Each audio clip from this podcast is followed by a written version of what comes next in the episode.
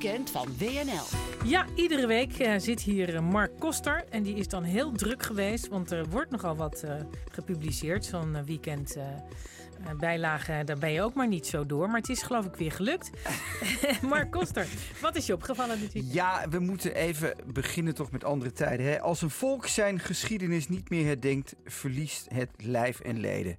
Dat is een beetje het gevoel wat wij allemaal eh, hebben eh, gekregen toen, toen het bericht kwam uit andere tijden. Niets meer ja, op televisie is. Althans niet meer op de lineaire televisie. En ook niet meer heel vaak zoals eh, dat ooit was. Ehm, heel Nederland vindt het verschrikkelijk. Eh, en dan denk ik, ja, ik vind het ook verschrikkelijk. Ik heb me daar ook aan geërgerd. Maar we moeten het misschien toch een beetje gaan relativeren. Nou, in ieder geval zou het fijn zijn als iedereen had gekeken. Dan was het programma gewoon gebleven. Precies. En daar wil ik dan het leukste cheatje ehm, omtrent deze kwestie aan wijden. Die is afkomstig van Gert-Jan Darwinkel. Is een jongen die ik ken uit het plaatsje Tinaarlo in Drenthe. Ik zat ooit met hem in het voetbalelftal. Hij was veel beter dan ik. Hij was keeper. Gert-Jan Darwinkel zegt... Er hebben al meer mensen die petitie ondertekend dan er ooit mensen hebben gekeken naar andere tijden. Ik vind het wel een heerlijk... Dat geloof ik niet. Nee, nou 20.000 inmiddels na zes dagen. Nou, na, nou, na, na nou, een paar dagen. Maar het, programma bestond 21 jaar, dus eh, dat... eh, Ja, maar je, ja, ik snap natuurlijk wel wat ze bedoelen. Drentse humor, ik hou ervan. Ja, precies. Eh, dan nog één andere relativering in dit, in dit dossier. Dat, ja, andere tijden moest weg, want er moeten meer jongeren kijken. En die kijken dan niet naar andere tijden. Maar in de NRC staat een heel leuk stukje van een paar leraren. En die vertellen dat ze andere tijden in de klas altijd aanzetten.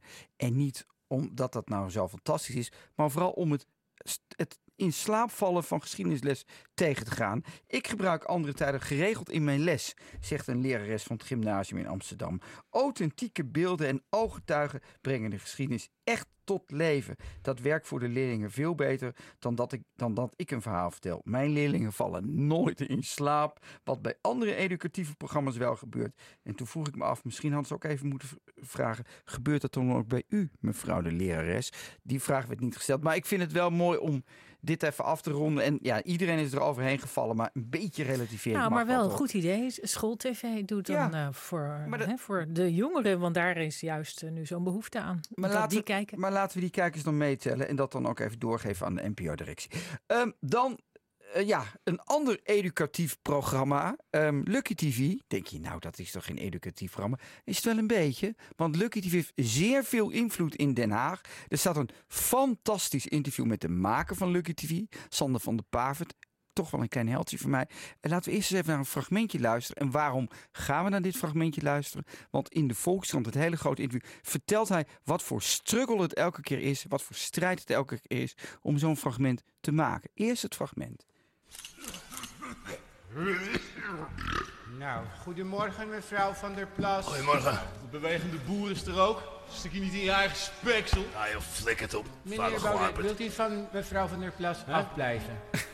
Ik raak er niet eens aan. Ah, ja, maar ja, ik had het nog niet gedaan. Ja, bedankt. Ja, en dit is een fragment van 7 april. Ehm, Caroline van der Plas, die in de filmpjes van Lucky TV nog als, oh ja, als een soort ongelikte beer elke keer naar binnen komt. Ik en ben die- benieuwd wat ze er zelf van vindt. Ja, precies. Nou, daar komen we dus zo op. Maar hij, in, in dat interview in de Volkskrant beschrijft Van de Pavert deze, dit fragment helemaal. En hij beschrijft dat het ontzettend moeilijk is om die schorre stem op te wekken... die hij heeft ontleend aan zijn oma. En dan gaat hij beschrijven hoe dat gaat. Zelfs hij, heeft hij voor de microfoon zijn kin al helemaal rood gekrapt... om het juiste geluidseffect te krijgen. Dat, dat, dit, dat geschuif.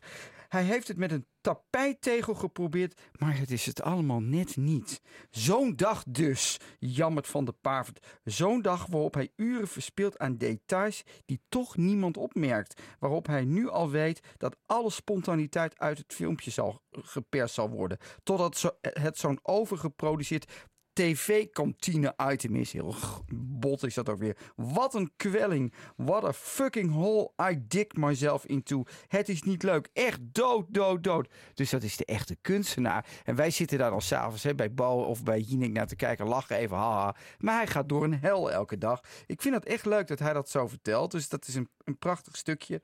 ehm, hoe hij dat vertelt. Dan één ander eh, dingetje nog uit dat interview. Ook te, leuk om niet te vermelden.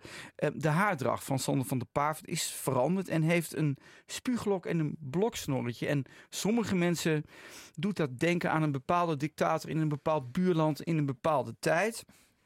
En de Volkskrant vraagt daar ook naar, naar deze, ja, deze dracht. En dan zegt hij, hmm, laat ik beginnen met zeggen dat ik niet bij de kapper van de Adolf Hitler kapsel ben, eh, ben geweest. Noem het maar. Het is gewoon de jaren 30 stijl. Iedereen had het in de tijd zo. En dat snoortje, daar loop ik al jaren mee. Bovendien, ik heb een veel strakkere kaaklijn dan de vuren. Veel vollere wenkbrauwen. Ik ben veel knapper. Dat vind ik eigenlijk nog het lulligste aan zo'n vergelijking. Met andere woorden, lees dit interview. Ehm, Maar dan nog heel even, Caroline van der Plas. Ik heb geen idee of zij dit leuk vindt. Caroline van der Plas ehm, is daar niet naar gevraagd. Eh, in de NRC komt ze wel aan het woord dit weekend over haar entree in de Tweede Kamer. Zij zegt daar best wel nuttige dingen over de zandbak die Den Haag is. Hè, dat er allerlei afspraken zijn, dus daar, daar, daar is ze boos over. Ze zegt ook, ik ben eigenlijk kleurenblind. Voor mij geldt als een motie goed, goed is, steun ik die zonder aanziens des partijs. Vind ik wel Heel interessant. goed. Vind Ja. ik heel goed. Vind ik dus heel goed. Maar Lucky TV komt wel terug in datzelfde interview over de nieuwelingen in de Tweede Kamer bij Laurens Dassen. Laurens Dassen werd in een ander, film, werd in een ander filmpje als Ober neergezet van Sigrid Kaag. Ja, met En- suiker graag. Ja. Met suikergraag, precies. En wat er toen gebeurde, daar, daar vraagt de NRC dan naar. Nou, je bent hier een nieuweling. Is dat een soort van ontgroening? Dat filmpje, hoe zie jij dat? Hè? En dan zegt hij, ik heb er hard om gelachen. In ons tweede bijeenkomst met de crisis over de onwaarheid van Rutte... begon Rutte er zelf over. Nu komt er een klein sneertje van, van eh, Laurens. Hij zei, heb je dat gezien? Jij als ober, zo grappig.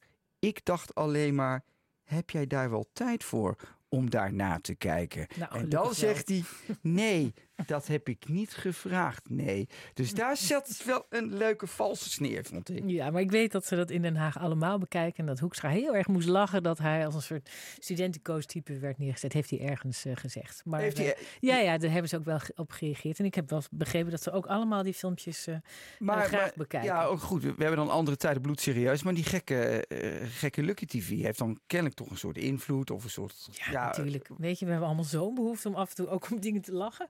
Ja. Ja, nou, Ja, dat ik dus. vind dat dus heel leuk van Sander van der Pavert. Dan, wat mij betreft, het beste journalistieke stuk gaat de prijs dit weekend tara, naar Nou. de Telegraaf. Oh. De, de, de, de, de krant op zaterdag heeft een ja, spread gebouwd. En ik zou het maar omschrijven als de onthullingen over de windmolenmafia.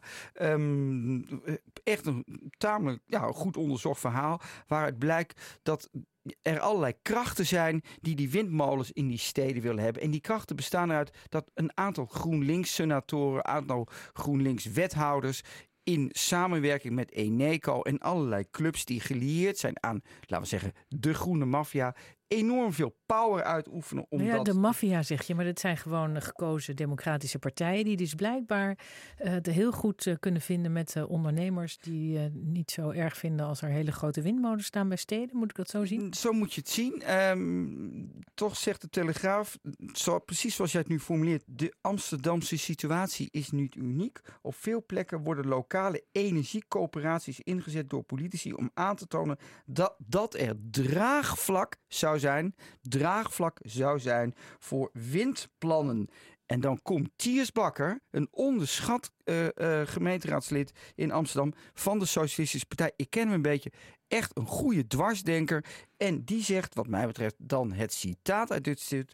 Komt dit draagvlak nu van onderaf af, zoals jij zegt? Of wordt het van bovenaf gestuurd? Vraag. En dan gaat hij los. Echte participatie is er alleen als zo'n coöperatie bestaat uit buurtbewoners. Nou, zoals je weet in Amsterdam zijn de buurtbewoners nogal GroenLinks stemmend tegen hun eigen GroenLinks-ideeën. Niet als het gaat om een juppenclub uit de binnenstad, de eco-elite die bezig is haar geweten schoon te wassen. Hij haalt keihard uit dus. En hij vindt, ehm, ehm, hij vindt eigenlijk of, of dit nu wel